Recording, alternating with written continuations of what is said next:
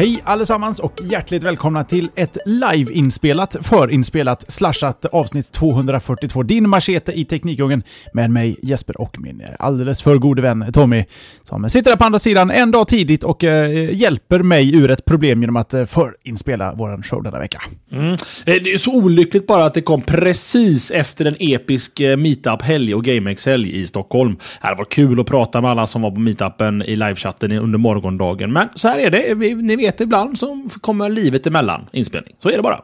Önskar jag bara hade kommit ihåg att jag inte skulle vara tillgänglig denna tisdag. Det... Så vi hade kunnat säga det på meetupen, för nu går ju ryktet att vi är lite för bakis för att faktiskt kunna spela in imorgon. Vilket är ganska ologiskt, för då hade vi förmodligen väntat till på onsdag istället.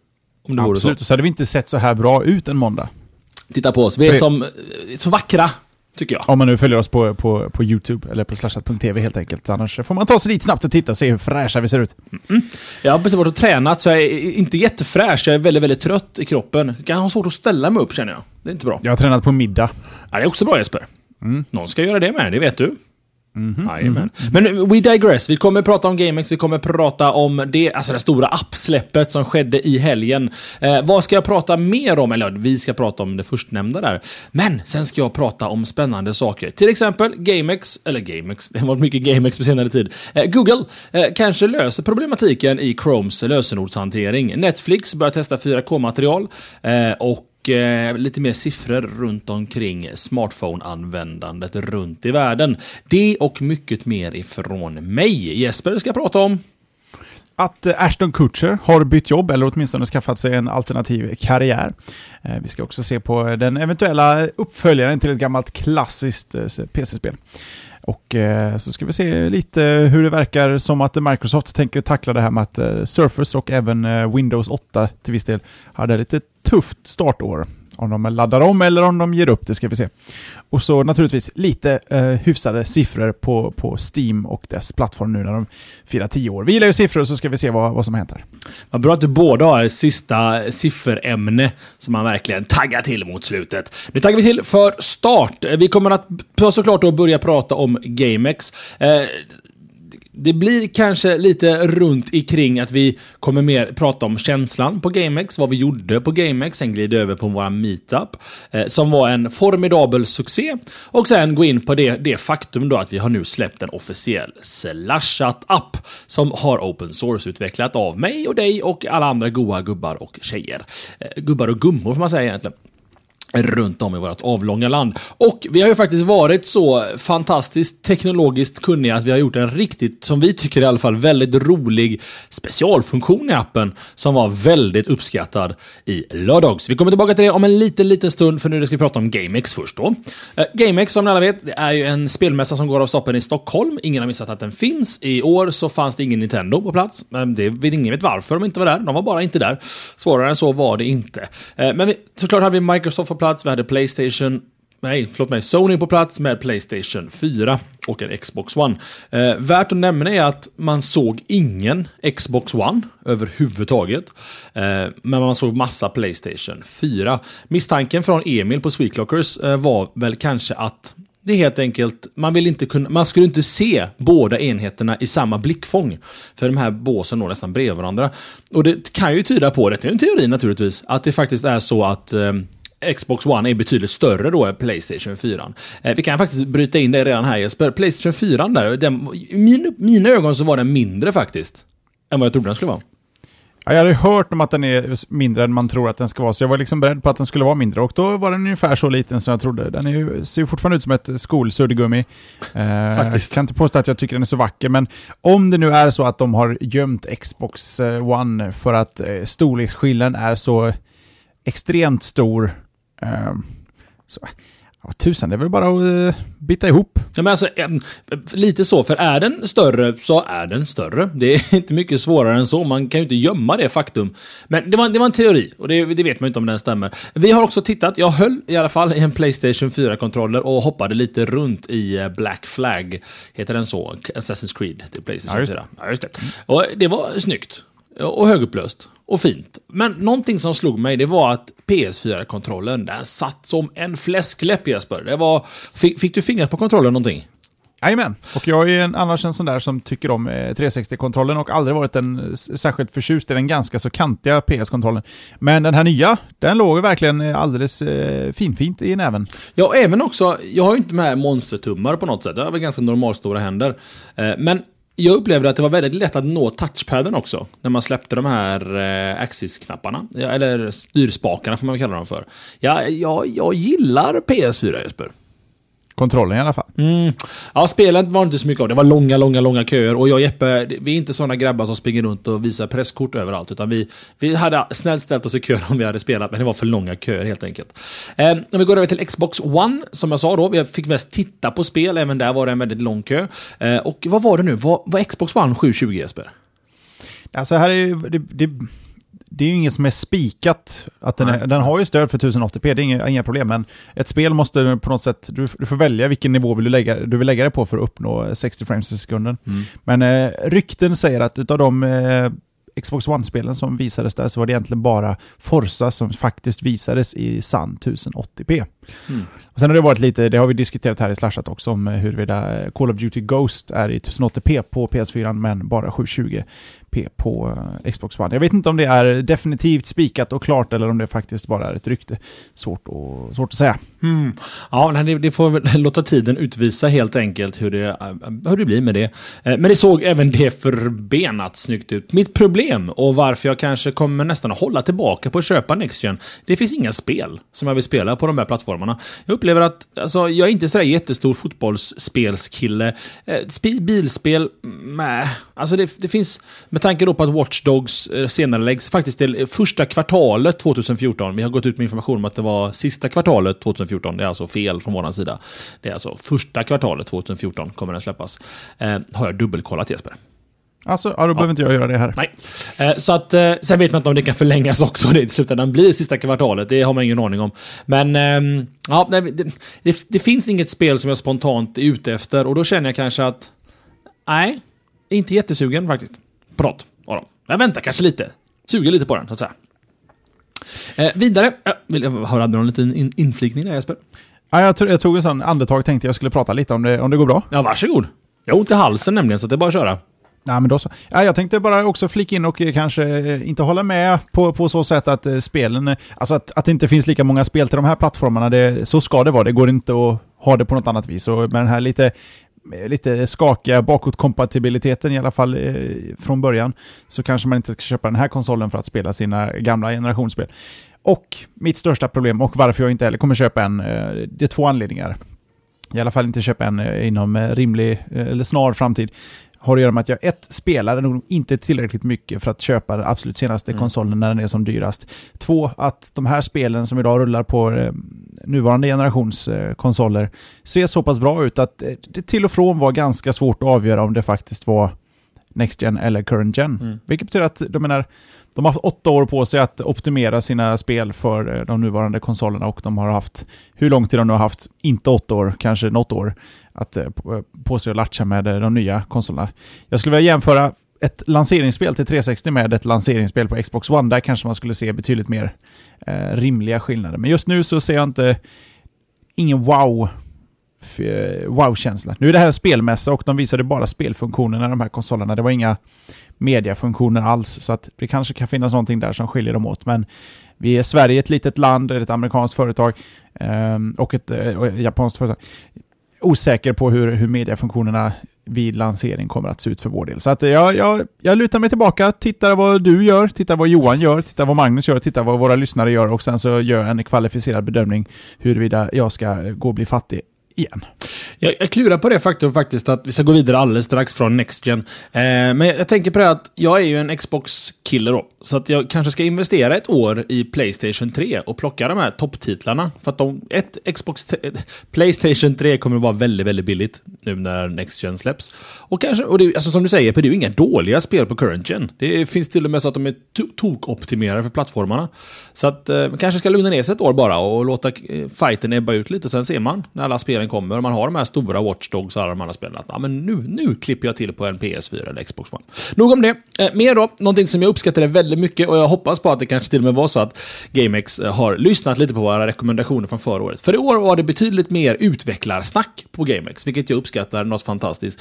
Då pratar jag alltså inte utveckling som att hur man gör den mest effektiva for-loopen i, i C eller C++, utan helt enkelt Eh, jag var inne på Bat eller DICE Battlefield 4-presentation. Och där gick de igenom hur grafikmotorn utveck utvecklas genom Battlefield-tiden. Eh, hur de tänker runt Destruction till exempel. Hur... För en sak är att de säger ju att Battlefield 4 har fantastisk destruktion i spelet. Du kan i det närmaste eh, jämna en hel bana med marken. Men de tillåter inte det. Och många tänker så här, varför inte då? Vore det inte tok-episkt att kunna göra sönder allt? Nej, för att då tappar du balans. Balans kan vara att om alla hus är jämnare med marken, hur ska du då gömma dig från air eller från helikoptrar och flygplan? Som tank har du inga hus att gömma dig bakom när skotten kommer. Och börjar man tänka på det så inser man att shit, de har lagt ner mycket tid i att tänka igenom det här spelet, Battlefield 4 då alltså. Eh, och jag uppskattar det verkligen, att man tar dit utvecklare som pratar utveckling. Hur tänker man när man bygger ett spel? Superentusiastisk över det faktum. och hoppas att de utvecklar det ännu mer till nästa år. Tar in stora speltillverkare och även små. Tänk Rovio som pratar om eh, eh, Angry Birds. Hur, hur, tänkte de? Hur blev det så? Nu kan ju vi i historien att det var 16 spel innan eller vad det var. Så hade de bara tur helt enkelt. Men äh, det uppskattar jag. Var det någonting mer Jeppe som du vill eh, peka på just med GameX det här året? Eller ska vi gå vidare till äh, våra meetup? Uh, jag kan ju bara... Jag har ju fått... Folk har ju påpekat det att jag har kanske varit lite otippat intresserad av Surface 2. Både mm. tableten och själva datorn Pro. Um, de såg väldigt, väldigt trevliga ut och jag verkar vara en av få som tycker Windows 8 ser väldigt trevligt ut och uh, speciellt Modern UI-gränssnittet är väldigt trevligt. Nu är det väldigt, väldigt mycket väldigt trevligt här men snart dags att se om vi inte skulle ta och prova en sån, inte köpa en. Inte, inte, jag ska inte byta, du kan vara lugna där ute. Uh, men man kan väl få sampla lite. Inte plånbokstrevligt än i alla fall? Nej. Nej. Ah, okay. Inte alltså, så trevligt än. Så Nej. trevligt har vi inte här. Eh, vi ska också vidare då till meetupen. Men som sagt, GameX, det är svårt att sätta, sätta poäng på det. Eh, det är lite samma sak naturligtvis. Eh, men jag uppskattar det jag ser. Jag har alltid lika trevligt när jag är där. Så att, eh, ja, över medel. Det är alltid, alltid nöjd. Vad tycker du Jesper? Jo, sen är det ju så att det, det märks att många är mer spelintresserade än vad jag är. Jag, jag, alltså jag, jag, är, jag imponeras över de människorna som står och köar timme ut timme in för att få prova en Oculus Rift och få prova PS4 och prova Xbox One. För jag antar, jag, jag, ren gissning, om du ska prova alla de tre enheterna på den här mässan så har du nog plöjt ner säkert, säkert eh, jag skulle, fyra timmar väntetid, lätt. Ja, ja visst. Absolut. Men klart, är du ett kompisgäng och man står ihop i kön och tjötar och eh, byter appar och annat så tycker man, ja. då är det okej. Okay. Absolut. Jag, jag har bara fruktansvärt dålig eh, kö, tålamod. Jag fick prova en, en, kom, en inte komplett, men förhållandevis komplett eh, militärmundering. Faktiskt med kevlarväst och granatfickor och sen 25 kilo ryggsäck och hjälm. Jag är mm. imponerad att män och kvinnor bär runt på sånt i strid. Han som lät dig prova den där, förmodligen så hade han, hade du bara sagt om man inte skulle så hade det tagit honom 0.5 seconds och få fram ett blankett där du skriver över din själ till svenska militären. Tror du det? Ja, kanske. Jajamän. Kanske. Ja, kanske till och med... Nej, Rekrytera de yngre. Vill de... du skjuta en riktig bössa? That's not a real gun. De, de yngre Jesper. Ja, 33-åringarna 33 kanske inte är jätteaktuella för militärtjänstgöring. Eller ja, det, Nej, det, det, det, Men alla de andra kidsen som springer runt där och vill skjuta Battlefield och så står det en kille där och säljer uh, the real thang. Kostar, ja. kostar noll. Ja, exakt. Hur, hur många health bars har jag? En. det är bara att gå ut och leta. Exakt. Vi ska snabbt gå över till meetupen. Vi träffade så otroligt många goda människor på Monks Bar och Café. Det var, det var helt fantastiskt. Jag vågar säga att vi var uppe på en 30-35 som max. Jag har räknat ut att vi är minst 30, 32. Ja, just det. Och eh, då är vi säkert fler som jag inte har räknat. Så jag säger 35. 35, där någonstans. Och det, det, det mm. toppar ju förra årets 27 någonting, va? Där, där i kring. Ja, jag har glömt den räkningen redan, men eh, det var fler än förra året. Var det. Yes, och ett stort tack till Monks Bar och Café naturligtvis för att de, att de orkade med oss under hela kvällens gång. Det, det var bra. Och sen, det var väldigt, det var väldigt hög nivå. Alla skötte sig alldeles exemplariskt. Och eh, jag, jag gillar det, det, det konceptet att vi hade folk som var 18, vi hade folk som var närmare 45-50 kanske på meetupen. Och alla umgicks med alla alla funkade med alla. Det var liksom... Det var säkert lite oense när det handlar om iOS och Android. Men det var hög men nivå all, all in good igenom. fun även där. Förlåt? All in good fun även eh, på, på liksom plattformskrigen. Ja, och, och så speciellt också med människor som alla träffas igen när man slänger in alkohol som en extra liten faktor. Men det bara skötte sig rätt igenom. Jag är så stolt över vår lyssnargrupp. Eh, och i synnerhet de som kom på meetupen. Inte för att jag förväntade mig någonting annat, men för att det är så kul sådana här grejer. Det var som... Ehm, Jädrans, nu är jag så dålig på namn här. Jag tror jag har... Killen. Alla har ju två namn också i sådana här sammanhang.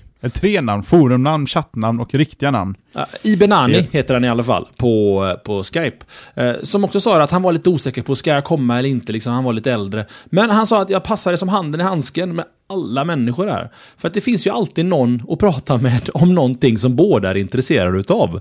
Så att jag tycker att eh, high five till alla som var på meetupen. Och high five Jesper, det var väl lite av kvällens tema också va? Ja, det var ju det. Uh, nu är kanske inte jag egentligen rätt person att prata om det här i och med att jag kanske inte är den som har dragit det största lasset. Jag är nog mm, snarare den som har dragit det absolut minsta lasset. Men vi har ju haft en idé länge på att göra en app och det har ni känt till. Vi har ju faktiskt fiskat lite efter hjälp i eh, vårt forum och i showen och i chatten. Och ni kanske minns också från i somras, vi var ute och hyrde en stuga. Vi satt där och pillade lite på appen och så sådär fem minuter innan vi skulle lämna stugan så kom, kom jag vet inte vem som knäckte det från början, men det lät, lät som Johan och eh, Tommy fick någon sorts samma idé samtidigt om att vore det inte kul om man kunde interagera med varandra på något, eh, på något vis. Ja, det handlar mycket om att vi, jag tror vi alla kände att appen var färdig, den var jättebra, men den saknade en USP, va? Ja, en av de här andra. Vi har ju massa funktioner som vi planerar för framtiden, men det var liksom... Jag vet inte, det, det var det... Jag kommer inte ihåg, den bara var så självklar när vi hade kommit på den. Jag, jag, jag tror snacket gick ungefär så här att vi måste ha en USP. Ja, men vad gör man? Det high-fiva har vi en terminologi som vi alltid använder. Vi high-fivar varandra när vi träffas. Det har varit två ämnen nu förresten i ett här. Så jag tror att, hur länge ska de prata om detta egentligen? Vi är på ämne två nu. Jespers ämne i kvällens show. Eh, och då sa vi just det att om man skulle kunna high-fiva, ja men typ mobilen på det här med QR-koder. Med QR-koder säger du. Och sen så börjar tanken spinna igång. Så egentligen när vi städade upp stugan, som vi hade grisat ner under helgen, så, så började vi hatcha den här idén. Och sen så har Eh, Smiley i chatten och eh, Johan kodat som två blådårar. Alltså, eh, för nöjes skull, gå till GitHub och kolla på aktiviteten i kodcommits som har varit under oktober månad. Jag är djupt rörd över deras engagemang i detta. I synnerhet faktiskt Smiley som är mer eller mindre, och även Johan har ju dragit iOS helt själv egentligen. Det enda jag bidrar med är lite backend-bitar och lite databas, det är allt. Men jag har gjort ett par ikoner och tyckt till. Och tyckt till. Men alltså, eh, och det är också kul att göra sådana här projekt med, med ett gäng kompisar. För vi har synkat via Google, eller nu går jag in på detaljer som är egentligen meningslösa. Ett kul projekt och vi lyckades leverera. Till och med så den milda grad att Apple gick med på att ge oss en expedited review. Vad det innebär är att vi bad snällt och de godkände vår app på fyra timmar. Vilket är bra, eller en ny version av appen. Vilket är imponerande och det tackar vi Apple och Tim Cook för. Tack Tim. Eh, men vad gör appen då? Jo, appen, eller vill du ta appen Jesper? Jag känner mig att jag behöver dricka vatten här ändå. Ja, drick du vatten så tar jag appen. Vad det hela går ut på är att vi på något sätt ska få folk att träffas. Eh, på riktigt. Vi ses i chatten, vi lyssnar här och det känns liksom lite som att jag och Tom ibland är... Vi sitter här på tisdagar och folk dyker upp här. Det vore kul. Det finns ju mycket folk och de har väldigt roligt på meetups. Det vore kul om de skulle inspireras, eller ni skulle inspireras till att eh, även träffas vid sidan om. Och för att göra det så ska man liksom motivera med att på något sätt samla på möten med andra slashare. Och då blev systemet som sådant att high five går ut på att man ger varandra high fives, men du kan bara göra det när du har gett någon, eh, när någon har gett dig en high five. Så att du är liksom, in du är handlös. Precis, du måste high fivas in, utan eh, du är liksom handlös tills någon kommer. Och eh, jag och Tommy, och eh, även de som varit med och utvecklat appen, eh, hade ju, vi, vi var ju high five-folk från början. Och eh, meetupen var liksom startskottet på det hela, att börja high-fivea ut high fives. Så att alla som var där och high-fivade någon av oss, eller någon annan som hade high-fivat oss, ehm, har helt enkelt nu möjligheten att high-fiva andra. Och det blev snabbt en tävling om vem som hade high-fivat flest. Det stod folk så här, sträckte ut handen, eller ja, jag var väl en av dem, så, bara lagt upp sin streckkod så här, kom igen nu, nu det måste finnas någon jag har glömt sådär. Och ehm, vi får väl eh, jobba lite på en feature så man kan se hur många man har, för att det här kommer snabbt bli en sorts eh, tävling. Vem har träffat flest? Och vi har redan fått folk som planerar hur de ska ta sig över sundet från Finland till Sverige. Ja, det är väl inget sund, men över havet för att uh, high-fivas in i den här... Ja, det är succé, Succé. säger jag. Och siffror gillar vi. Totalt så high-fivades det 780 gånger hittills då, med, med den absoluta majoriteten i Stockholm, i närheten av Mångs Café och Bar, av olika anledningar. Eh, och totalt har 95 personer då joinat upp i High Five. Eh, inte blivit in-high-fivade, men vill ha en high-five på något vänster. Eh, så att, eh, succé från oss. Och som Jeppe sa, vi gör det egentligen för att vi vill att ni ska träffas på något sätt. Meetupsen är ju mer för er än för oss. Eh, jag och Jeppe får, får få tillräckligt med credit för att göra den här showen. Vi behöver inte ha den uppskattningen, vilket sen naturligtvis uppskattas när den ges, men, men det är att vi vill att ni ska träffas och göra saker tillsammans, för att ni har ju samma intresse. Eh, ni är goda människor där ute. Så att, eh, dags att släppa detta ämnet, men Slashat-appen finns på App Store och den finns på eh, Google Play. Google Play så har vi haft något krångel, så sök på slashat.se. Eh, det var miss av mig att har du amerikanska butiken, eller amerikanskt konto så syns den inte, men den ska synas nu. Men sök på slashat.se. Eh, den har massa andra features. Ni kan kolla på showen live, eh, ni, kan få, ni får påminnelser, eller i alla fall nedräkning, när nästa sändning sker. Ni, kommer, ni får alla avsnitten. Eh, snart kommer det även komma, eller snart inom överskådlig framtid, så kan man kunna ladda ner avsnitt och lyssna på den som en riktig podcastspelare. Eh, det finns även också om showen. Och, och blir man in-high-fivad, då dyker man upp i omlistan i appen, kan jag meddela. Och då naturligtvis high-five som vi har gått igenom högt och lågt här. Eh, det är hög tid nu Jesper att, att släppa den här, fan ni hör att det har varit en episk helg. Vi är otroligt nöjda med allt runt omkring detta. Men nu Jeppe, nu är det dags för lite vanliga ämnen också. Nästan. Nästan. En sak. Är man intresserad av att hjälpa till med appen så laddar man ner appen. Tittar i appen så står det precis hur man går tillväga för att eh, nu slänger jag med ord som Tommy är mycket bättre på, men pull requests, eh, Oj. GitHub och commits och eh, jag vet inte, man släcker issues och jag vet inte vad man gör. Men i alla fall, tycker man att det där är sådana här härligt teknikerotiska ord, då ska man definitivt ta och bidra. Men tycker man sådär kan själv, kan bättre själv, då ska man bidra. Jag tänkte en sån här knäsvag bara, och sen också, att, bli inte avskräckt av orden heller. Är det så att du upplever att det är dåliga formuleringar i appen, så skriv en forumtråd och säg, skulle ni kunna ändra det till korrekt svenska? Eller små grejer. Jag har gjort en bättre version av ikonen för Android. Ni vet, allt egentligen kan ni bidra med på något sätt. Open source, få the win. Nu då Jesper! Nu går vi vidare. Förutom att buggrapporter kan lämna, lämnas i forumet. Ja, just det. Nu då. Nu går vi vidare. Tommy! Ja, det är jag. Ska vi se här. Veckans forumtråd väntar jag lite med, även om det gått lite drygt en halvtimme av showen. Eh, Google finally tightens access to saved password in Chrome, skriver Engadget. Och det är nämligen som så här att vi har ju pratat om det innan. Det var lite, lite kaos i, i medievärlden i alla fall över det faktum att man kan se sparade lösenord i Chrome. Eh, det verkar som att Google på något vänster har bestämt sig för att göra någonting åt det. Eh, enligt utvecklaren François Beaufort kanske inte alls det uttalas, men jag förstår i alla fall, skriver på Google Plus att de kommer att implementera ett så kallat masterlösenord innan du får se alla andra lösenord. Ni som har koll på OnePass, KeyPass, LastPass och, vidare, och så vidare funkar så är det i princip likadant. att Den här listan med lösenord som du tidigare kunde dubbelklicka på och se alla lösenord måste du nu alltså skriva in ett lösenord innan för att få se listan. Eh, featuren finns faktiskt redan nu i Chromium för Mac. Jag misstänker att det är beta-releasen.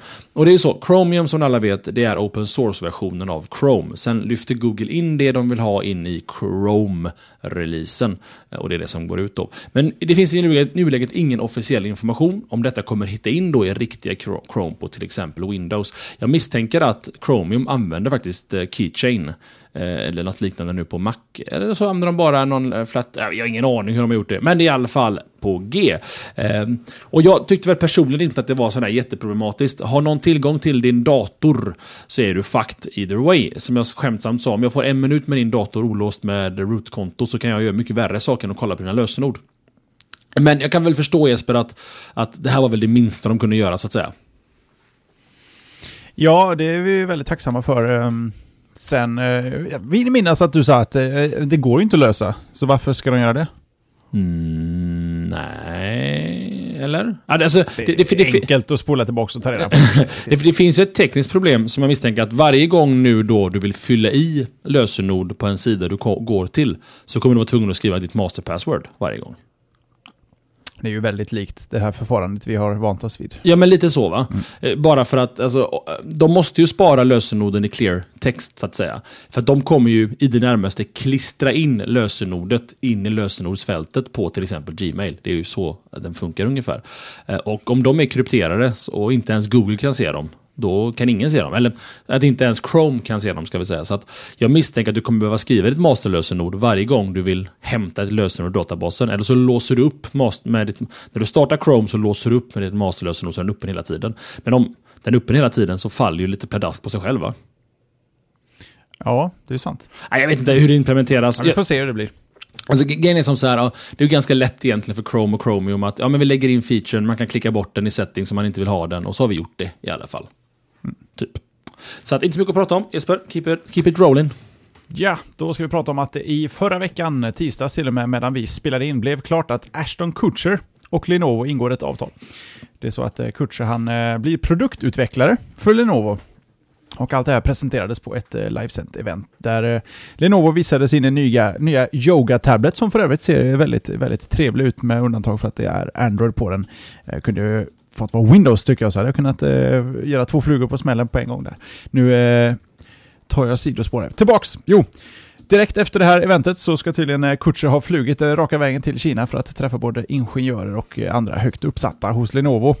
Och eh, hans syfte på Lenovo är helt enkelt att bidra med eh, råd när det gäller att eh, ta fram eh, ny hårdvara och även dess mjukvara. Och hans pitch är egentligen att Lenovo gör väldigt, väldigt, väldigt, väldigt bra hårdvara, men att han hoppas kunna bidra med att deras produkter kommer vara mer användarvänliga. Och om man då vänder på det, Lenovos pitch är då att Ashton ska utmana författade eh, förutfattade, förlåt, förutfattade meningar om hur konsumentprodukter ska se ut och användas. Det är lite så sales pitchigt här överlag, men någonting ska man ju göra. Sen är det faktiskt så att Kurser är ju redan känd som lite av en eh, tech, en liten geekhead. Och eh, han har ju varit eh, investerare i flera framgångsrika bolag, bland annat Airbnb, Spotify, Foursquare och eh, jag tror Uber kan han nog även ha varit inblandad i. Eh, så frågan är ju egentligen Ja, för det första, han har, det är lite oklart hur mycket han har fått betalt för det här, men eh, den här dealen ska rulla på i flera år framöver. Så frågan Tommy, är det här ett PR-stunt eller tror du att Kutcher kan ha någonting att bidra med? Alltså, ditt sista antagande där tycker jag är ganska korrekt. Och det är ju det att det finns ju värre kändisar att ha med som designar produkter. Det finns ju, nu är jag dålig på det här, men var det inte så att någon, någon amerikansk sångerska var med och designade Blackberries under en period? Eh, vem det nu var. Jo, Uh, mm. inte Kylie Minogue kanske? Något sånt där. I alla fall, alltså, Något sånt. Mm. folk som jag, inte jag ser som representativa för teknikanvändare i världen. Och där tycker jag att Ashton Kutcher, han verkar ju ha koll på sina grejer. Och speciellt om man ser hur han har investerat. Det kan också vara väldigt bra invest investmentrekommendationer han får från, från duktiga killar och tjejer. Men jag, jag ser han som en tekniknörd. Och speciellt också, jag tittar på uh, um, Two and a Half Men nu för tiden. Egentligen bara för Kutcher och de nördskämt som är i den showen. Det är väldigt sexistiskt rätt igenom förvisso. Eh, men, men det finns ju det finns, det är väldigt mycket nördhumor i den, mycket internethumor och sånt där. Eh, som jag uppskattar naturligtvis. Kan Kutcher bidra med någonting har du skrivit? Jag eh, Ja, jag bevisligen tycker väl Lenovo det. Eh, jag tror inte att någon kommer att köpa mer Lenovo-prylar för att Aston Kutcher har varit med och designat. Och så finns det nog ganska många besvikna också eh, produktdesigners på Lenovo som ska ha Aston Kutcher i rummet och ska tro att han förstår hur produktdesign funkar. Det är nog mer till den kakan än vad man tror faktiskt. Så jag, jag är sval, men det finns ju sämre personer. Det gör det och eh, Mike Montero och eh, även Daring Fireball var ju inne på det spåret att eh, det som är extra sorgligt med det här är att Lenovo tror att de har anställt en egen Steve Jobs. Och är det så då kanske, ja i och för sig man ska aldrig säga aldrig men det är väl inte riktigt vad de har gjort. Mm. Ja. Än. Nej, ja, mm, ja. Man måste först ha levererat något innan man kan äh, att, äh, kunna leva på det. Men man ska aldrig säga aldrig. Eller, eller så blir det som en helt uh, fantastisk uh, high five, eller inte, det är mycket high fives. En homerun helt enkelt på alla möjliga sätt. Det, det är inte omöjligt det heller faktiskt. Uh, vi får se. Ja. Veckans forumtråd Jesper. Ja. Den finns ju inte. Nej. Nej, men jag tänkte att jag bara bjuder på eh, den officiella Nexus 5-tråden. Eh, ja, jag tänkte det, i och med att det är ju ganska ofta som vi, folk är nyfikna på ny teknik och eh, Nexus 5 släpptes ju faktiskt i fredags, eh, kommer till Sverige den 15 november. Så många har ju frågor, eh, hur får man tag på en från England, hur funkar LT, hur funkar allting runt omkring den här enheten? Eller så du kanske bara är nyfiken lite mer runt omkring den. Då har du tråden som är skapad av Frippan och ligger i mobilt, eh, alltså ämnen mobilt. Eh, och den heter den officiella Nexus 5-tråden och finns i vårt eminenta forum på forum.slashat.se. Och om inte det har framgått med tanke på vad vi har gjort nu i lördags så är ett forumkonto exceptionellt viktigt för dig som slashat fanboy och eller fangirl att ha. Så är det så att ni inte har ett forumkonto så gå in där och fixa er ett konto. Eh, till exempel funkar ju bara high five om du någonsin skulle träffa en slashat eh, lyssnare eh, med ett, ett forumkonto. Och jag kan säga att inom, inte inom kort men inom en överskåd in, innan årets slut har vi som målsättning att eh, använda forumkonto på ett väldigt väldigt, väldigt viktigt sätt i övriga sammanhang på slashat.se. Så att, eh, gör er själva en tjänst, skapa ett forumkonto där så ni i alla fall låser ner ert nick eller namn eller hur ni nu vill ha. Men i alla fall den officiella Nexus 5-tråden, frippan, eh, mobilt, forum.slashat.se. Så se, då blir det väl jag igen då Jeppe? Eller du ja, hade ingenting blir... där? Nexus 5? Sugen? Ja. Har du beställt? Jajamän, köpte i fredags. De ligger just nu på McAfees kontor i eh, London.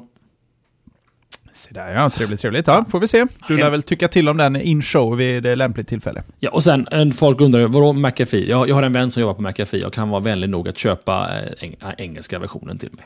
Så den kommer till Sverige, kanske den här veckan, med lite, lite, lite tur och eh, någons vilja. Tänker jag. Jag håller tummarna. Ja, jag också, för då får du fingra på den och mig vid tillfälle. Nej, alltså jag håller tummen. Jag sitter här och loggar in på min 5S. Jag håller tummen. Jaha, där var du rolig Jesper. Ja, jag vet. Göteborgare. Ja, ibland, ibland blir det bra, ibland blir det sådär. Man ska egentligen inte ge oss fri lejd eh, i radio. Nej. Det är inte aktuellt egentligen. Hade vi haft en chatt idag, då hade det buats. ja, från ett läger i alla fall. ja, det sant. Ska vi se, eh, mitt eh, tredje ämne för kvällen då. Det handlar om 4K-material. Det är ju nämligen som så här att Netflix har testat, eller gjort teststreams i 4K-upplösning. Men eh, om man sitter där hemma nu och tänker att gött, snart kommer 4K till Netflix, så är det väl förmodligen inte så, utan det är väl egentligen bara demo och tester eh, de håller på med. Och det är till och med så tråkigt då, enligt eh, Peter S. på Ray.se, att det inte ens är tillgängligt för oss vanliga döda att testa just nu. Men jag tycker att det är intressant i alla fall att eh, några stora spelare börjar tänka lite i 4K-vägar. Eh, alltså, 4K det heter lite olika saker hos olika tillverkare. Eh, vissa kallar det för Ultra eller Ultra HD. Eh, jag kallar det för 4K. Eh, det innebär egentligen en eh, upplösning på 3840 x 2160 pixlar. Jag tror vi skulle kunna kalla det här för 2160p, va? Ja, för det är precis det Ultra HD är. Det är 1080p gånger 2. Ja, vilket exakt. är fyrdubbelt så mycket. Fyra, fyr, alltså äkta 4K är ännu lite, lite bredare. Eller ännu lite fler pixlar på bredden. Just det. Just det. 4060 pixlar. Och, sånt där. och för att ni ska mm. få lite, lite, lite referenspunkter där, så 1920 gånger 1080 det är 1080p. Och 1280 gånger 720 pixlar är 720p. Så att eh, jämför man det med 720p så är det många hopp upp i den listan. Men problemet är fortfarande att det finns väldigt, väldigt lite material som fortfarande finns tillgängligt i 4K. Är det ens så att en Blu-ray-skiva EP kan trycka upp till 4K? Det där satt jag och funderade på häromdagen, men jag vågar faktiskt inte eh, varken svara eller svära på att den gör det. Det kan ju uh, vara en selling point om uh, Onen eller PS4 faktiskt stödjer 4K-uppspelning av Blu-ray 4K om de kommer. PS4 har stöd för 4K. Uh, eller eventuellt då Ultra HD. Men frågan är om det kanske gäller just för streamat innehåll snarare än Blu-ray-skivan. Mm. Ja, vi, vi, det där går ju att ta reda på så slipper vi gissa det. Om du tar reda på det där Jeppe lite lätt så kan jag också säga det att det är även svårt att få tag på eh, prisvärda 4K-TVs. Eh, sällan vi, det är ju ingen reklam det här egentligen, men det är faktiskt så att NetOnNets budgetmärke Andersson precis släppte en 4K-TV under 10 000 kronor. Eh, finns ju ingen garanti på att den är bra på något sätt, men har du vägarna förbi så titta på en i alla fall. Eh, mitt, mitt stora problem är väl att eh, om, om, om, om TVn är i 4K, nu får du hjälpa mig lite här för att jag är väldigt dålig på sån här teknik, men eh, om TVn är i 4K kan den även, och jag matar den med 1080p-material. Kommer Mm. skärmen ställa om sig då till 1920 x 1080? Eller kommer den skala upp till 4K? Det blir precis pixeldubblerat. Så att eh, Uh. fyra pixlar. Å andra sidan sitter du på samma avstånd, har samma storlek tv så kommer du inte märka någon skillnad. Det är så? För att pixlar, alltså klämmer in dubbelt så mycket pixlar i båda ledderna på samma, yt, eh, på samma bredd och höjd Ja, så det. blir de ju hälften så stora. Vilket betyder att om du spelar upp med pixeldubblering så kommer det se ut precis som innan. I teorin. Du vet Mm. ju själv hur det är när man drar upp, eh, ja, säg en... Um, ska vi ta ett bra exempel här. Men en ST-TV på en HD-TV. Den, är, den görs inte riktigt lika bra på en HD-TV som på en gammal tub-TV kanske. Mest för att tub-TVn är lite mer förlåtande och lite mer oexakt här. Men eh, i princip så, så kommer den pixeldubblera. Så, så in, inom en ganska överskådlig framtid kommer vi ha föräldrar och vänner som matar 4K-TV-apparater med SD-TV-sändning. Precis, du kommer ha världens skarpaste suddiga VHS-bild.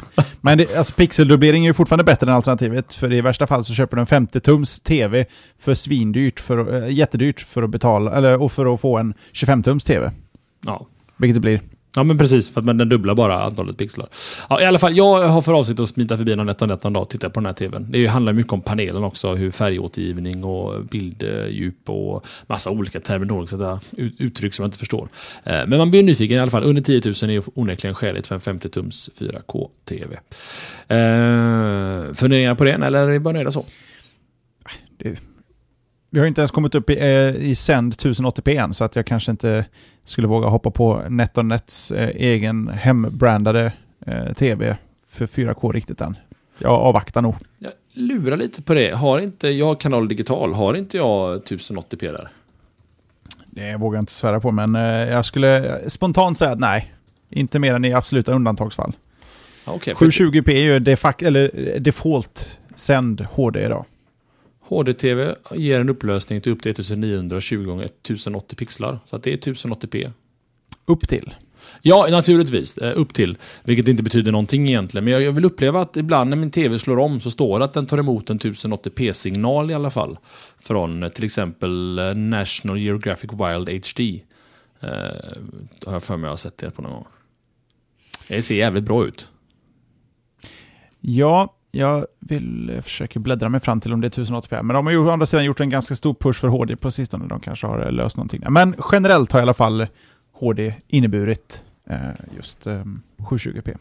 Ja, vi- ser helt enkelt. Vi låter det vara osagt. Hade vi haft chatten med oss här ikväll så hade vi fått mer klara besked. Vi sparar på det till nästa vecka. För Det är lite som att sakna en hjärnhalva och sitta här utan chatten. De, är, de tänker åt den medan man gör annat. Att. Var är min hive mind, undrar jag. Mhm. Ja. Eh, nästa ämne kommer från Söderlund. Ja, just det. Då kan jag inte sitta här och läsa på om eh, HD längre. Då eh, hoppar vi över till Myst. Mm, Det det var inte klass- HD. Nej, det var det Nej. verkligen inte. Eh, Det är å andra sidan en, en viss tid sedan det lanserades. Där, eh, sådär 20 år sedan just eh, Myst, äventyrsspelet, lanserades på PC. Ett på sin tid och kanske även med vissa mått mätt även idag ett ganska underligt spel som blev en ganska så otippad succé. Det blev faktiskt en dundersuccé. Den fick också ett par efterföljare och det var väl egentligen inte någon riktigt som slog igenom, möjligen eh, Riven från 97 som var kanske undantaget där. Eh, men sen blev det tyst. De här uppföljarna som kom, de eh, föll någonstans. Ja, det var ingen som tyckte om dem helt enkelt. Och utvecklarna då, Cyan, de har inte gjort så mycket väsen av sig förrän eh, det är, kändes som det var dags att eh, riva igång det här. Och då gör man det på det sättet man gör idag om man har en gammal studios med någon sorts schysst pedigree. Man tar till Kickstarter och hoppas att gamla fans får eh, gamla goa minnen när de tänker på deras tidigare produkter. Och i den här Kickstarter-kampanjen så hoppas då Cyan eh, plocka hem pengar för att utveckla Obduction, en sorts spirituell uppföljare till Myst. Det är inte så mycket en, en den fortsätter inte, det är inte samma universum, det är inte samma, den tar liksom inte vid där eh, Riven slutade, som tog vid där Myst slutade. Utan det här är ett nytt universum, eh, ny story, men eh, samma sorts spel helt enkelt. Hmm. De har dragit in 755 000 av eh, sina önskade 100, 1100 000 höll jag på att säga, men det betyder 1,1 miljoner. Och de har 11 dagar kvar. Så är det så att vi har lite gamla Myst-fans här bland våra lyssnare och man känner att eh, kreditkortet har svällt upp, det behöver gå på en diet, då är det ju bara att ta sig över till Kickstarter-kampanjen där, där de försöker få ihop pengar till Obduction. Det finns en länk i show notes om man vill ta sig dit och kolla vad det här är frågan om. Eh, Tommy, nu är vi lite unga, det är inte så ofta man får säga så. Eh, har du någon Myst eh, historia. Amen. Jo, men. Eh, jag körde ju Mac, eller min mor körde Mac på jobbet och hade en sån här skön liten låda man drog med hem och hade skärm och allting i, eh, i inbyggt då i datorn. Eh, så att jag körde Myst på den eh, och tyckte väl att det var nog lite för svårt. Jag var nog lite för ung tror jag. För att förstå alla, alla pyssel och knep och knåp i det spelet. Så att eh, li, lite historia har Hur är det med Söderlund? Ja, jag satt och spelade, jag vill tro att det var hos min storebror när jag var liten någon gång, när jag var på besök. Jag fattade ingenting, men det var ju hur häftigt som helst. Ja, det var ju, det var ju 3D. Man gick ju i den miljön på något vänster, även om det var bara bilder som bytte. mm. Ja, det var fantastiskt. Man kanske skulle prova att ge sig på det där, för minnet av spelet sitter kvar, trots att jag satt där och klickade och inte förstod riktigt vad jag gjorde. Så sitter liksom minnet av en helt annan värld eh, på ett helt annat sätt än man har spelat tidigare. Då kommer man liksom från monokroma skärmar med någon sorts masken-föregångare. Eh, stor skillnad.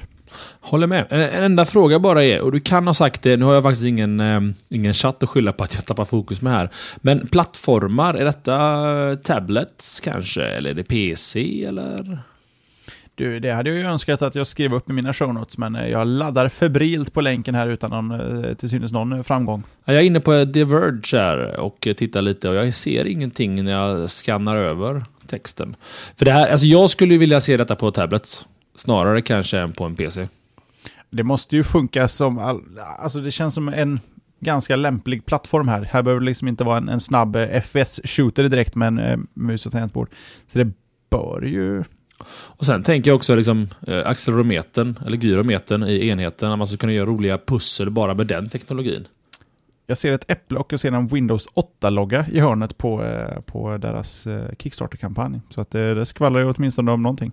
Ja. ja, vi får se helt enkelt vart det tar vägen med Obduction. Men, ja, men det är ju givet köp tycker jag. Om inte annat för att minnas det gamla. Har du kickstartat förresten? Eller kick, ja, heter det så? Kickstartat? Nej, inte än. Faktiskt, men eh, det ska vi nog ta och kika in här. Nej, det är bara Windows och PC som gäller, i alla fall i, i grund... Eh, fundingrundan här. Jag tror jag försöker se om det finns någon sorts nivå här där de passerar någon gräns. Att de kanske även kommer till någon mobilvariant. Men nej, det verkar inte som, äh, verkar inte som det. I mitt fall så är, alltså är det... Oculus Rift Support om de når 1,3. Det skulle kunna vara något. Ja, det skulle faktiskt kunna definitivt vara någonting. Uh, ja, jag vet inte. Jag, ja, vi får se helt enkelt vart, vart detta tar vägen. Jag gillar det. Gillar i alla fall. Eh, då ska vi se här. Mitt fjärde ämne för kvällen kommer att handla om att Google visar upp nästa generations Google Glass. Vad innebär det? Jo, det innebär helt enkelt att Google har lagt upp nya bilder på Google Plus från den nya generationens Google Glass. Jag vet inte om man kan säga att en generation är ett år senare, men man menar nog snarare på att det är eh, nya, nya nya versionen, kanske bättre än generationen. Designen för, på Google Glass är i princip densamma. Men eh, kanske också att eh, den största ändringen egentligen som är noterbar, det är att den har ju skallbensinduktion, tror jag det heter. Att eh, om ni kollar på mina glasögon här, att, de, att de, Google Glass vilar dem mot benet du har här. Och när glas, eller glasögonen pratar med det eller det är ljud i glasögonen så vibrerar det på skallbenet så att du hör det ljudet, som om det vore vanligt ljud. Det är ganska vanlig teknik i ett, ett par headsets jobbar så, även mycket militär materiel funkar så att, ja, att du kan höra ljud utan att det hörs. Jättekrångligt att förklara. Men en cool funktion som tyvärr inte har funkat hela vägen. Folk som kört Explorer Edition och Google Glass har haft svårt att höra helt enkelt eh, när, de, när, när ljudet har spelats upp för dem, eller spelat upp, vibrerats för dem. Så Google har helt enkelt kompletterat Google Glass med en valfri eh, monohörlur som kan stoppas in i valfritt öra. Kollar ni på videon igen så ser den ut ungefär så här. Att man, ja, det går en liten kabel upp till glasögonen och så har du en, en hörlur i höger öra om du vill ha det. Ehm, men det, men en gång, det är ett komplement då för den som fortfarande vill ha induktions... Heter det induktion Jesper? Bone induction på något vis, ja. Det blir okej. en sorts induktions... Skallbensinduktion kallar vi det för. Precis. Ja. Eh, För de som fortfarande vill ha skallbensinduktion så funkar det fortfarande. Ett, ett option då. Eh, Och sen då, så det mer intressant är att de även har eh, lanserat någonting, tror jag är officiellt nu, eh, eller om det bara var rykten. Det var rykten i alla fall i eh, i början på veckan, eller mitten på veckan, förra veckan. Eh, men det var också det att, att de som har, eller är med idag i Explorer Edition, eh, får lov att dels gå in och byta ut existerande hårdvara. Detta är fakta för övrigt. Får gå in och byta ut existerande hårdvara mot den nya hårdvaran. Eh, free of, free of ja, gratis helt enkelt. Och det har ju också att göra med att Google vill ju träffa alla de här människorna och ha en timme med dem och prata lite om deras upplevelser med produkten. Men de här människorna får även bjuda in tre vänner som jag misstänker får betala 1500 dollar var för att även vara med i detta om man nu vill. Eh, så att det, det kan ju vara intressant för de som har eh, närmare 13-14 000 spänn eh, som bränner i fickan och bara vill göra av dem på något sätt. Och då kan ju Google Glass vara ett alternativ. Men i alla fall kul att se att det kommer lite revisioner av Google Glass. Det går ju, alltså detta är världens konstigaste rykten Jesper. Men Google har byggt fyra monstruöst stora pontoner, heter det så? Flytande, ja, flytande båtar, det är jävligt meta att säga, men eh, ponton. En sorts byggnad som flyter har jag förstått det som. Ja, och rykten går vad Google ska göra i de här pontonerna som vi kallar dem då. Eh, rykten har gått allt från att det är flytande serverhallar till att det är... Eh, det var en annan cool, cool, roligt rykte, att det skulle vara någonting annat. I alla fall, det senaste ryktet är att det är en partybåt. Eh, det låter lite roligare än vad det är. Det är helt enkelt väldigt, väldigt upscale showrooms för Google Glass. Så de kommer alltså flytta de här till populära, jag vet inte, vad finns det några, jag vet, inte, där- rika människor florerar vid havskanten. Kan man väl säga. Eh, och så kommer man då kunna få gå in och prova Google Glass. Att de ska ha som, de vill ha väldigt, väldigt high-end eller väldigt exklusiva butiker då för de som vill köpa Google Glass. Och det ska tydligen vara det som det är. Liksom Ingen vet vad de ska göra, de där stora container-pontonerna. Eh, eller vad de görs. Vad, vad tror du Jesper? Har du läst någonting om det eller?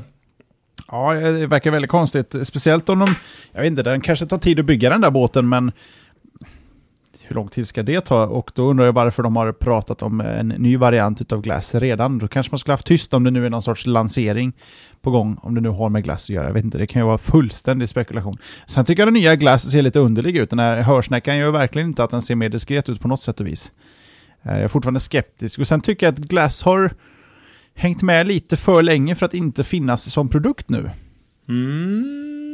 Alltså, jag, jag tror att det ovanliga här Jesper är att Google gick ut väldigt tidigt och lät folk få hem dem. Jag tror att det här är nog ganska normalt i en testcykel av eh, hårdvara som är ganska banbrytande egentligen. Det är väl bara att de gör det i det publika rummet, vilket får oss att tro att det borde ha lanserats mycket tidigare än vad det kanske har gjort. Jag tror att, att de är ganska on schedule, eller on par med sin, med sitt schemaläggning när de ska släppas. Och jag tror att en lansering kommer ske innan nästa sommar, faktiskt. Här är nästan man ska ta fram en bet, för jag känner att det finns en överhängande Nexus Q-risk här. Oh, att de, men då hade de ju inte släppt den här revisionen, känner jag ju spontant. Ja, men den är inte riktigt... Alltså, det här kommer bara... Eh, fisa ut och sedan borta. Det är helt... Den glöms liksom lite bort, så soppas under mattan. Eh, Lite den eh, vibben får jag. Okej, nej, men vi kan väl göra att vi så lägger upp en, en bet här. Om, om du går på ditt nästa ämne, Jipen, så ska jag se till att puffa in ett bet här. Yes. Och Ja, frågeställningen är, släpps Google Glass innan sommaren 2014? Men tror du det? Ja. Innan 2014, sommaren? Ja, visst. Ja, Okej, ja, det är bra bett, för det sätter jag emot. Bra. Då ska vi prata om Microsoft. Det är ju så att eh, när, när Microsoft släppte Windows 8 och Surface förra året så, eh, så hade de ju en ganska så väl tilltagen marknadsföringsbudget. Den var på sådär eh, ungefär 241 miljoner dollar. Och sen vet vi ju hur det svala intresset för Windows 8 blev i allmänhet och även Surface i synnerhet. Och eh, vi var ju egentligen eh, ganska så många som var lite osäkra på om det skulle komma någon uppföljning eh, på de här, eh, speciellt, ja, Windows kommer ju alltid en, en ny version på, men om Surface kanske bara skulle snabbt dödas. Men så var ju icke fallet, det fick vi veta för ett par månader sedan här när både Surface 2 och Surface 2 Pro presenterades. Och Microsoft verkar inte ha någon som helst eh, plan på att eh, vika sig för eh, trycket. Nu ska folk köpa den, nu, nu ska folk ha den.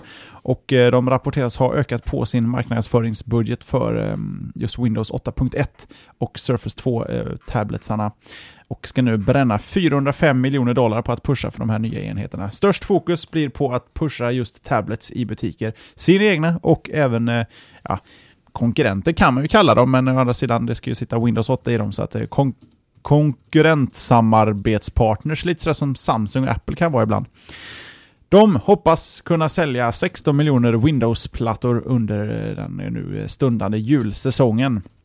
Och de eh, vill tro att Windows 8.1 i kombination med ett större utbud av Windows-tablets ska vända trenden för den plattformen. Sen att bara 20% av alla Windows-tablets just nu eh, kommer med 8.1 eller kan uppdateras till 8.1 i nuvarande läge. Det är ingenting de nämner eh, särskilt mycket. Men det, det, det, kommer, kommer säkert lösa sig på sikt. Frågan är då Tommy, om du har hängt med hyfsat här. Mm. Tror du att eh, Windows 8.1 och även Surface 2 kan vända den här lite svala Microsoft-trenden från förra året?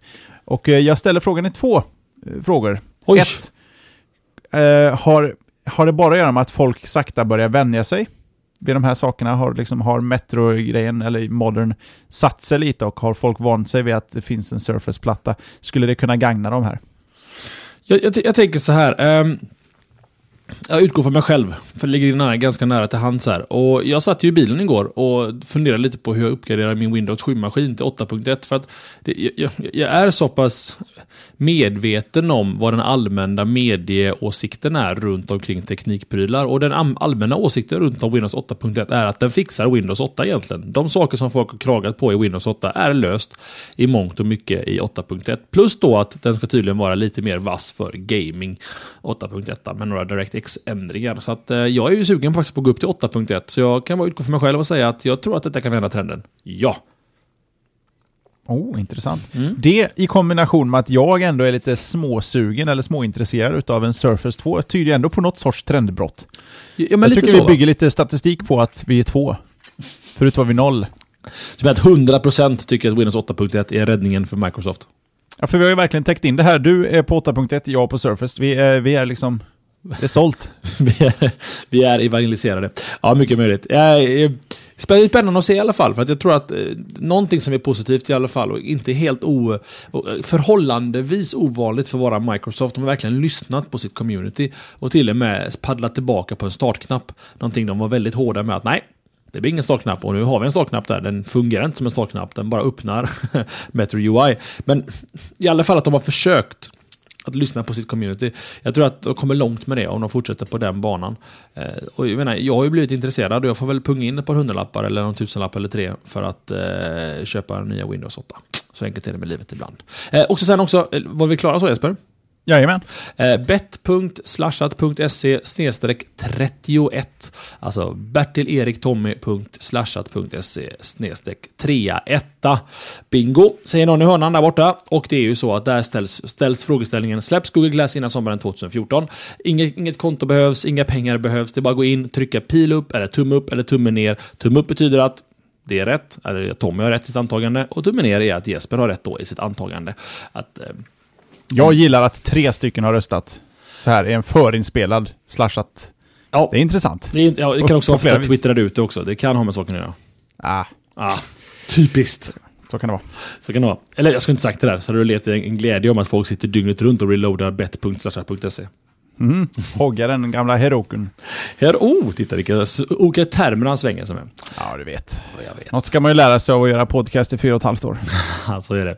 Eh, mitt sista ämne, jag lovar lite siffror här mot slutet från min sida. Det är Strategy Analytics eh, som har släppt lite siffror runt om världsmarknadsandelarna vad anbeträffar mobila enheter. Jag grävde väldigt kort och väldigt snabbt efter lite mer fakta om hur de mäter detta.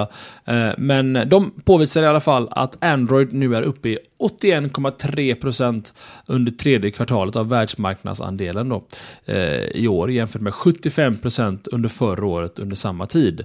Alltså upp från 75% domina dominans till 81,3% dominans. Eh, intressant att veta också att Windows Phone ökar från 2,1% till 4,1% procent, vilket är en ganska stort hopp. Det har dubblat sin marknadsandel. Fortfarande ganska liten marknadsandel, men det kanske nu kanske är intressant för apputvecklare att bara titta lite åt Windows Phone-hållet. Eh, under samma period har iOS minskat från 15,6% till 13,4% procent. Eh, den som det går sämst för, utan tvekan, det är Blackberry. Som nu är nere i endast 1% av marknaden. Det har alltså gått ner från 4,1% året innan. Eh, ja, om man pratar om riktiga enheter så betyder detta att, att om vi pratar om faktiska tal så är det från 2,5 miljoner enheter. Eller de har har endast sålt 2,5 miljoner enheter jämfört med 7,4 miljoner enheter året innan. Vill ni ha alla de här siffrorna och mer siffror, detta är försäljningssiffror då, bevisligen, så finns det under, eller på array.se och ämnet heter Android är störst, i, störst men Windows Phone växer snabbast. Eh, om ni vill utmana siffrorna och tycker att det låter helt konstigt så finns de siffrorna där. Man kan gå igenom dem noggrant på array.se. Eh, frågor på det Jesper? Nej, det ser ju fullt naturligt ut faktiskt. Jag är, jag är ungefär, ungefär precis så jag förväntade mig att det skulle se ut. Ja, men bra. Då, då är vi överens. Android dominerar. Svårare än så är det inte. Mm. De har så att säga fullständigt krossat iPhonen. Och om de här siffrorna hade kommit ut i samband med det bettet som jag la för två, tre år sedan. Hade jag fått vinna då? 81% mot 13,4. Jo, men de tog ju inte 81 procent. De hade 5 och sen så skapade de 75 procent genom att tillverka alla möjliga varianter. Hmm. Jag vet inte. Nej, så det känns ju inte som eh, iOS står och uh, är, är, på något sorts utdöende håll. Nej, nej, nej, gud nej. Och de, de lever väl och frodas i allra högsta grad och är en, utan tvekan kanske den, en, av de, de, en av de två mest vikt, eller de viktigaste smartphone-plattformarna idag. Eh, så ska det vara. Sen ska jag också nämna det att om jag hade läst hela artikeln lite noggrant så ser jag att det faktiskt handlar om skeppade enheter. Alltså inte sålda enheter. Vilket då Den kan, klassikern. Det är klassikern. Så det kan ju betyda, och i Apples fall så brukar de vara ganska duktiga med att alla enheter de skeppas faktiskt säljs. Så det kan ju vara så att det ligger en satans massa Android-enheter på hyllor runt om i hela världen. Så att ta siffrorna med en nypa salt, men det påvisar ju i alla fall att det går förhållandevis bra för Android. Och jättebra även för Apple naturligtvis. Eh, och till och med Microsoft. Det är bara Blackberry det går dåligt för helt enkelt. Alltså jag är mer nyfiken på den övriga tabben där. Finns det några övriga spelare? Uh, har vi Bada kvar tro. Och uh, Firefox OS. Nej, jag vet inte. Vad hette de här som han gick till? Uh, Google-killen. Eh, de heter något japanskt. Oh. Fast de, de, nej, de, förlåt, de har ju Android på sina enheter. Så de, de, ah, Huawei tänkte du på? Nej, mm. jag tänkte på de andra. Uh, Xiai. Chatten. Vad är ni? Um, Chai. Kutai. Uh, Någon gick någonstans. Han den här högt uppsatta killen. Hugo Barra. Just det. Han Där gick du... till... Jag googlar här nu Jesper. Ja, jag hör det. Xiaomi. Xiaomi. Xiaomi. Xiaomi. Xiaomi heter de. Xiaomi. Men skulle vi kunna äh, hitta en ny term för statistik byggd på äh, skeppade enheter och bara kalla den för landfill statistics? det kan vi faktiskt göra Jesper. Äh, för det, här bet det betyder någonting. det betyder vad, vad, i alla fall vad utvecklarna har för förtroende för sin enhet och hur mycket de tror att de kommer att sälja. sen så får man ju se mycket som vänder tillbaka till utvecklarna. Så att, ta dem inte med, med, med blod, svett och tårar, de här siffrorna, utan håll dem förhållandevis eh, under, under kartan. Så att säga. Ganska okej. Ska vi se EP, då har du ditt sista ämne va? Ja, ett sista, ja typ, eh, typ sista. Okay. Ett, eh, ett, kort ämne om lite siffror. Det handlar om Steam som ändå har varit eh, ganska så mycket i ropet här på sistone och diskuterades ganska så friskt under, under våran meetup också. lite siffror på det. Steam, de har 65 miljoner aktiva konton just nu. De har ökat med 30% sedan förra året och de har faktiskt vid något enstaka tillfälle pikat med 6 miljoner samtidiga inloggade användare. Det absolut vanligaste spelet är Dota 3 har skrivit, men det ska nog stå Dota 2 där. Som eh, pikar med 500 000 dagliga spelare när de är som allra bäst. De firar ju 10 år som vi alla vet och det firar de ju med, sin, eh, med sitt OS, sin kontroll och eh, planerna för Steam-boxes. Och Steam har ju faktiskt gått om Xbox Live och Steam leder med 65 miljoner användare mot eh, Xbox Livens 48 miljoner användare. Och här får man då fram lite intressant statistik. Om man slår ihop eh, Steams 65 miljoner användare med League of Legends eh, 32 miljoner användare och World of Tanks 45 miljoner användare så eh, har vi en ganska så stabil PC-gaming-bas eh, där ute som trots allt eh, Eh, lever ganska så, lever och frodas vid, eh, vid sidan om den allt större fokusen på konsoler just nu. Så jag kanske är, jag generaliserar grovt när jag brukar säga att eh, PC-gaming kanske allt mer blir en nisch, men ja, trenden kanske pekar ditåt, men eh, det är ju långt kvar till noll med sådana siffror och det där är egentligen bara en plattform och två spel. Och det är gott och väl över 100 miljoner användare. Men eh, det går bra nu, Tommy, för Steam i största allmänhet. Uh, definitivt. Jag försöker febrilt här få fram uh, hur många spelare Origin har. Uh, om det finns några siffror på det. För, De ska... ledde över Steam ett kort tag. Jag vet, om man slår ihop de två framförallt, Origin och Steam, som båda bara säljer egentligen PC och lite Mac också naturligtvis, spel, så handlar det om otroligt många människor som kör detta. 50 miljoner 30 miljoner, ja det är ett år gammal info. Den går inte att lita på. Ja, det är en hemskt massa miljoner till där. Vad jag, jag hittar i alla fall, according to EA as of February 2012, Origin has been installed by 9.3 million users, och det är Wikipedia. Men det var i februari 2012, precis. Det är ett tag sedan. Eh, och då hade inte Battlefield släppts, tro. Jo, det måste det ha gjort. Trean släpptes ju däromkring i alla fall eh, till eh, Origin. Och det är väl egentligen också en, en, en av de få anledningarna till att folk använder Origin. Det, Battlefield funkar ju bara på Origin. Eh, så är det med det. Så att, jag har, du har helt rätt i ett antagande Jesper. PC-spelmarknaden lever och frodas är förmodligen jag ska uttrycka mig. Det är förmodligen, med tanke på de onlinebutiker som finns idag, Steam och Origin, så är det väldigt lätt att spela och köpa spel på, på lagliga vägar. Och komma in i spel på, på enkelt sätt. Så att jag tycker att eh, stor high five till dem. Eh, just för att, för att de gör detta för PC-marknaden. För att jag tror att de i mångt och mycket faktiskt lyfter hela PC-marknaden. Just att man tar bort det, det illegala spelandet. Eller illegal spelande, kan man säga så? Piratspelandet kan man säga. Kan vi säga. För, för någonstans så handlar det ändå om att, att ska utvecklarna ha råd att göra mer och ännu mer episka spel så, så måste ju pengar komma in någonstans i spelen. Och det blir en tråkig dag när eh, stora kända spel börjar bara ha reklam i spelen. Eller att man får pausa i spelet och titta på Pampers reklam två minuter och sen gå tillbaka till spelet och liknande. För att det inte finns andra inkomstvägar egentligen för spelen. Så att jag, mm. och speciellt Steam och Valve, jag har mycket respekt för dem, vad de har gjort för PC-marknaden. Sen tycker jag personligen att, att vissa spel gör sig bäst på PC. Eh, shooters, eller first person shooters like, like som Battlefield 4.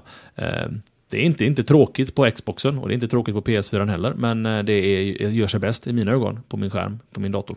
Tycker jag. Så kan man tycka. Så kan man tycka. Ja. Hade du någon lite mer liten Curtis där, eller ska vi spara på den, eller vad tänker du? Jag kan bara peta in den jättesnabb. Tänkte tipsa om ett eh, lite udda spel som heter Papa Sangray 2. Det betyder att det finns en föregångare på samma tema, men det, jag, jag bara råkade... Det fladdrade förbi i nyhetsflödet och tänkte ett spel utan grafik tänkte jag, kan inte låta bli att prova det där. Och är faktiskt riktigt, riktigt cool. Det är alltså ett eh, binaural game där du med hörlurar eh, spelar spelet utan grafik. Du har din skärm visserligen, men eh, där du har liksom två fötter och två händer. och Du går genom att trycka varannan på fötterna och eh, kan liksom interagera med händerna. Sen styrs resten av spelet med bara ljud. Du följer ljud, du lyssnar efter ljud, du kan eh, jobba med eh, vet det? kompassen i mobilen så att du kan snurra dig om. Så eh, du måste liksom fysiskt rotera för att kunna följa ljud och eh, interagera. Eh, riktigt häftigt eh, skapat. En 28 krona kan det vara värt för att, för att ehm, uppleva en ny sorts spel på med ett par bra hörlurar bara och så släcker rummet och så sätter dig på en kontorsstol eller ställer dig i rummet. Riktigt fräckt. Hette det Binaural? Binaural, det betyder egentligen att tekniken går ut på att säga att du, du har ett låtsashuvud med, eh, med öron och örongångar och öronen ser identiska ut till hur ett, ett, ett öra helt enkelt eh, är format. Sen sätter du mikrofoner i öronen så att mikrofonerna spelar in ljudet så som ljud tas upp när det rör sig runt huvudet och runt örat och via örongångarna. Vilket blir, blir helt enkelt, det spelas in så som ett öra uppfattar ljud. Vilket gör att, jag menar, du kan ju höra om ett ljud är framför dig eller bakom dig, trots att du inte har tre öron. Ja, just det. Du kan liksom bara lyssna i två. Det är, det är liksom hjärnan som sätter ihop det där, baserat på hur du har tränat öronen. Och binaural fungerar så att uh, man spelar in ljudet så som öronen skulle höra det, vilket gör att man kan då spela uppljud i stereolurar. Så att det låter som att du eh, finns... Eh, någonting finns på en viss plats i rummet. Okej. Det finns lite sköna sådana binaural demos på nätet. Det finns lite sådana... Det finns någon när en frisör klipper någon. Och prova det med ett par hörlurar så ska ni få eh, höra på lite roliga saker.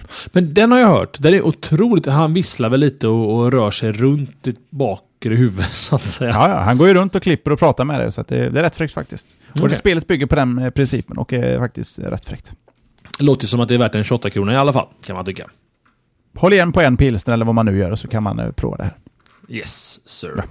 Ska vi se då, då har vi klart med alla ämnen och vi har väl ungefär timmen där har vi bjudit på underhållning här den här veckan också. Vi har lite pollar som vi ska gå igenom. Jag kan ta veckans poll, så får Jeppe ta förra veckans poll. Veckans poll, frågeställningen var som följer. Skulle du vilja att tv-avgiften betalas via skatten? Fantastiska 83% tycker absolut med 400, eller 245 röster och absolut inte 17% 49 röster. Varför säger jag fantastiska 86, 83%? För det är precis min åsikt. Att det här borde bara gå rakt av på skattepengar istället. Det finns säkert några människor som tycker att jag använder, kollar inte på TV. Nej, men var glad över att du betalar för fri television som inte är reklamfinansierad. Det, det kan väl vara värt en, en peng i månaden. Eh, Jesper har väl förhållandevis exakta åsikter som jag va? Ja, det har jag. jag. Jag säger inte att inte motsidan har några argument. Det finns absolut flera argument till att man inte skulle lägga det på skatten. Men jag tycker att fördelarna eh, med råge överväger nackdelarna. Då är vi på samma spår där. Eh, Det hade varit mycket roligare för showens skull om vi båda hade tyckt olika här. Det hade blivit ett mycket, mycket längre avsnitt.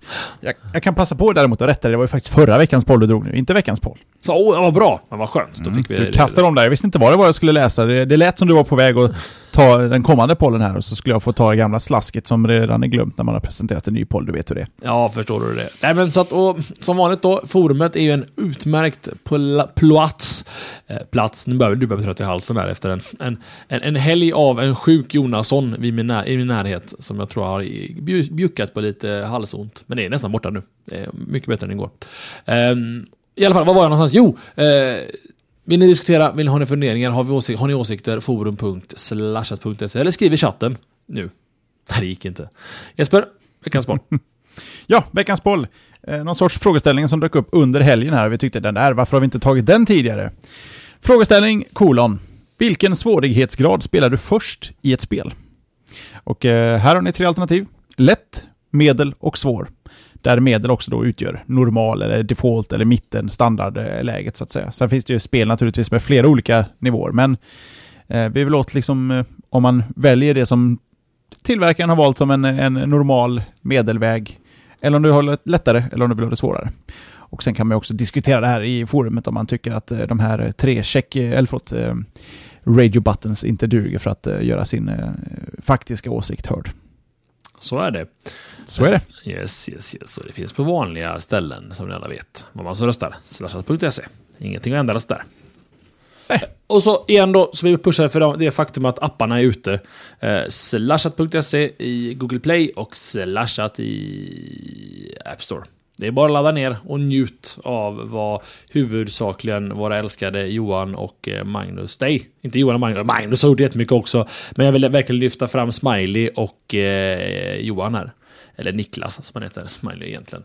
Eh, och det är otroliga jobb de har gjort på så kort tid faktiskt med apparna i det stora hela, men i synnerhet då high five-funktionen. Är det så att du inte har en high five, hitta en slashat intresserad lyssnare eh, i din närhet och gå och high five varandra så är ni båda upplåsta. Eller ja, du måste hitta någon som har fått en high five, så att någon som var på meetupen är väl skälig att ge sig på, kan jag tycka. Uh, uh, uh. Vila hals är mitt nästa mål i livet. Vad är ditt mål i livet här, härnäst Jesper? Ja, vi har ju spelat in det här i förväg. Det är för att jag ska kunna vara borta på tisdag. Så eh, nu ska jag packa och bränna till Danmark några dagar. Danmark, är det eh, leisure or eh, business? Business. Business as usual. Ska du Kanske spela? en leisure. Ingen, ingen spelning va? Nej. Nej, okej. Då, då vill jag inte veta mer. Då var det ju tråkigt. Boring, ja precis. Oh. Nej, ni får ta hand om varandra, ta hand om er själva och eh, era närmaste eh, tills nästa vecka. Då vi lovar att vara live naturligtvis. Eh, vi, vi, vi bannar oss själva lite att det blev så här, speciellt efter en sån GameX Weekend. Det har varit jättekul att träffa alla som var på meetupen i, i chatten ikväll. Eh, men, eller ja, imorgon kväll. Men så är det ibland. Ni fick ju i alla fall ett slashat.se avsnitt 242. Eh, vi ses så Jesper, ha det gott! Du detsamma och det gäller även er lyssnare. Ha det bra! Hej hej!